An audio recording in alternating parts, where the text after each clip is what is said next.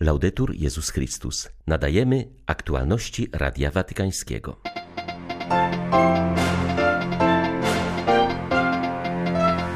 Otwierając domy przed gośćmi z Ukrainy, staliście się ich rodziną, powiedział Franciszek do Polaków. Podczas audiencji środowej papież kolejny raz przypomniał, że trwająca wojna jest obrazą Boga.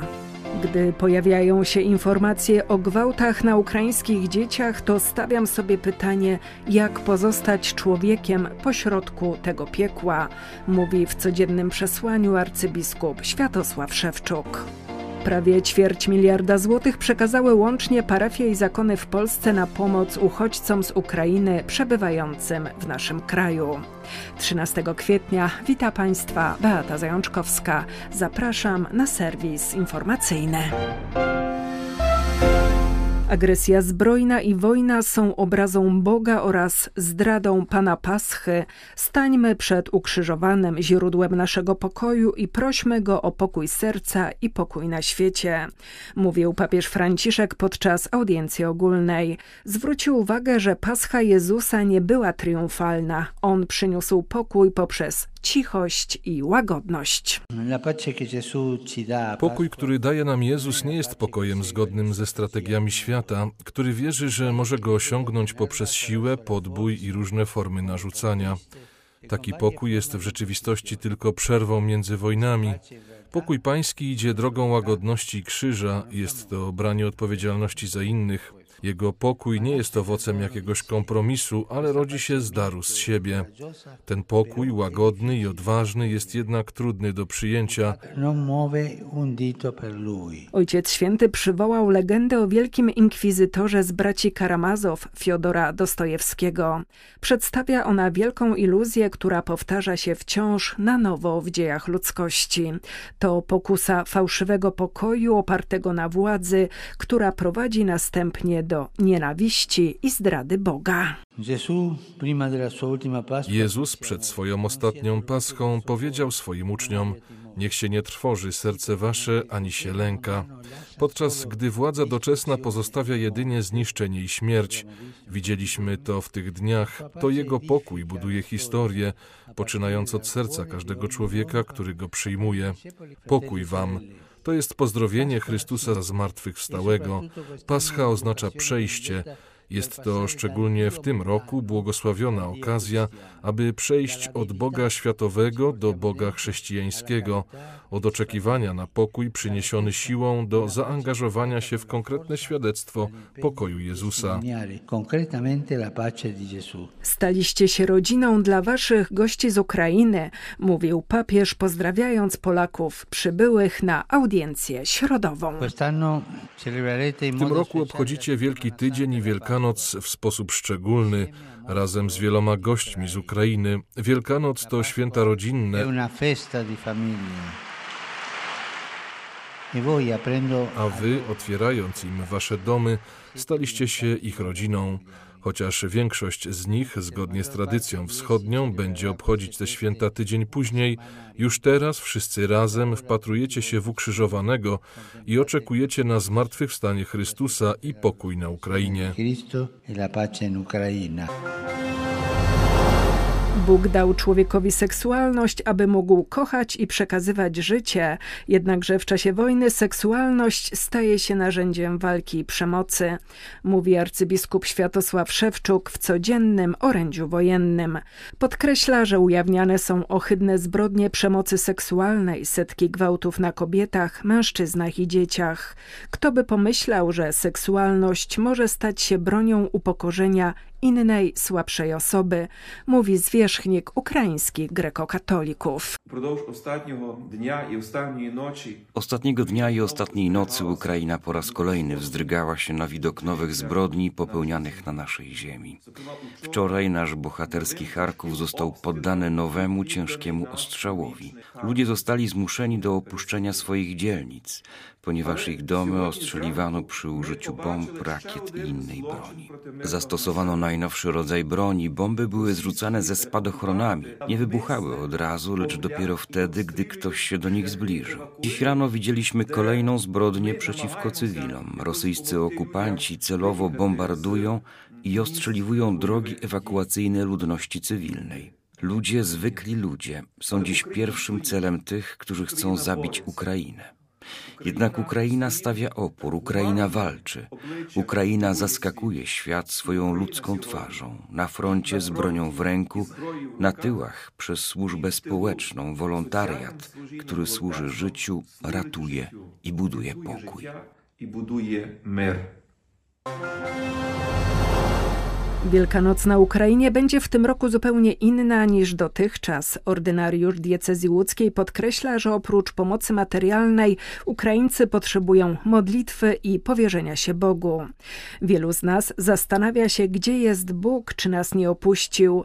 Odpowiedź znajdujemy w krzyżu Chrystusa, w opowieści o Bogu, który stał się człowiekiem i przyjął ludzkie okrucieństwo, mówi biskup Witalij Skomarowski. Dla nas tutaj Wielki Post zaczął się trochę wcześniej wcześniej niż popiecowo środę. Wojna rozpoczęła się przed Wielkim Postem. Post się kończy też. Czekają na święta wielkanocne, to z nadzieją na pokój. Oczywiście, że przeżywamy w zależności od sytuacji, gdzieś jest spokojnie, gdzieś toczy się walka i tam wiele trudniej świętować. U nas tutaj na Wolyniu będziemy świętować tak jak zawsze świętujemy tradycyjnie. Jedynie, że mamy bardzo dużo ludzi, którzy musieli uciekać od wojny i których domy zostały zrujnowane, których praktycznie nie ma do czego wracać. Tych ludzi też spotykamy, rozmawiamy z nimi, pomagamy, czym możemy. Wierzymy, że wszystko jest w ręku Boga. Ja sam nie zorganizowałbym tej modlitwy w taki sposób, bo czas na pojednanie przyjdzie później, przyznaje papieski przedstawiciel w Kijowie, odnosząc się do kontrowersji, jakie wywołał wśród Ukraińców pomysł, by podczas 13 stacji Drogi Krzyżowej w Koloseum krzyż niosły rodziny pochodzące z Rosji i Ukrainy. Tekst rozważania sugeruje, że oba narody dzielą ten sam los i mówi już o pojednaniu, o odbudowie tego, co bomby miały zniszczyć walczyć. Nuncjusz apostolski przyznał, że na pojednanie jest jeszcze za wcześnie. Aby mogło nastąpić, musi zostać zatrzymana agresja, Ukraińcy muszą móc ocalić nie tylko swoje życie, ale i wolność. I oczywiście wiemy, że pojednanie następuje, gdy agresor uznaje swoją winę i przeprasza. Stanowisko w tej sprawie zajął też zwierzchnik ukraińskiego kościoła grecko-katolickiego. Arcybiskup Światosław Szewczuk uważa, że pomysł na wspólną drogę krzyżową Rosjan i Ukraińców jest niestosowny. W tej sprawie napłynęło do niego wiele skarg od biskupów, kapłanów, a także zwykłych wiernych. Przyznaje, że ta inicjatywa jest przedwczesna, dwuznaczna i nie uwzględnia kontekstu trwającej wciąż rosyjskiej agresji, a także kolejnych, być może jeszcze krwawszych ataków, do których może dojść w przyszłości. Arcybiskup Szewczuk podkreśla, że zdaniem jego kapłanów i wiernych na pojednanie przyjdzie czas, kiedy wojna zostanie zakończona, a ci, którzy dopuścili się zbrodni, zostaną osądzeni wyraził nadzieję, że ich głos zostanie wzięty pod uwagę. Przez Lwów przetacza się nowa fala uchodźców. Są to najczęściej kobiety z dziećmi, które dopiero teraz mogły wydostać się z atakowanych i oblężonych miast wschodniej Ukrainy. Podróżują koleją, a lwowski dworzec główny jest dla nich pierwszym miejscem postoju oraz wypoczynku po długiej i wyczerpującej podróży. 14 tysięcy kanapek i około 4 tysięcy litrów rozlanej herbaty. To codzienna posługa grupy wolontariuszy z lwowskiej katedry, która dzień w dzień od pierwszych tygodni wojny stoi przy kasie numer 9 i służy pomocą przybywającym do Lwowa uchodźcom. Rozdają żywność, słuchają ich, są blisko nich.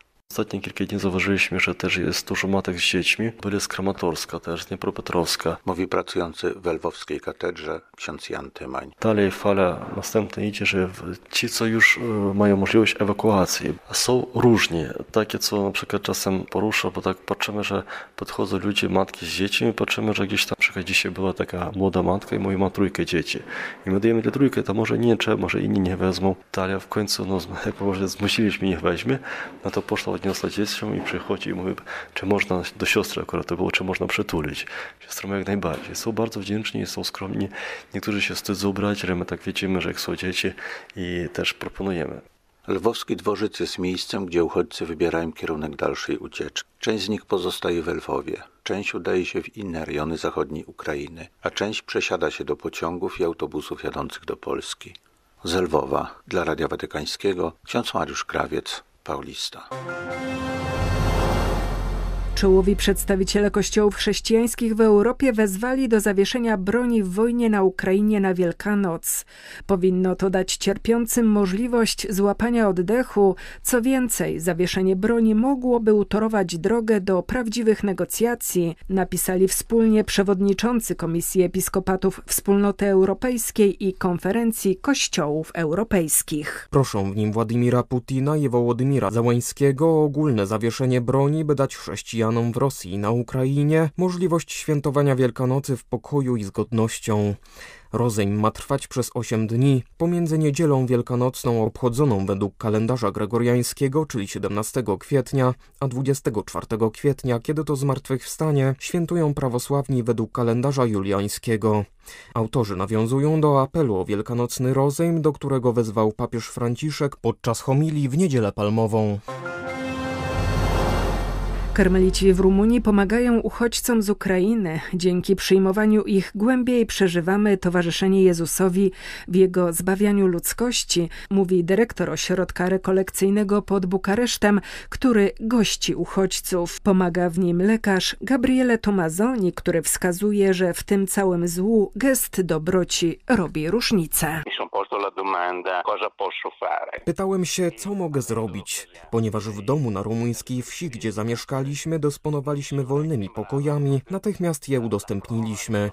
Późnym wieczorem po trzydniowej podróży samochodem przyjechało dziewięć bardzo zmęczonych osób. Każda rodzina ma swój własny pokój, dzieci mogą się spokojnie bawić w ogrodzie.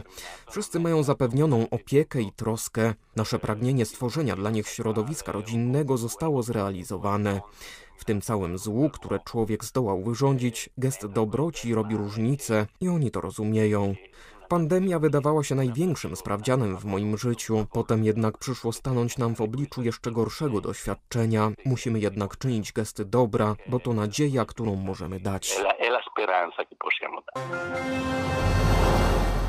Prawie ćwierć miliarda złotych przekazały łącznie parafie i zakony w Polsce na pomoc uchodźcom z Ukrainy przebywającym na terytorium naszego kraju.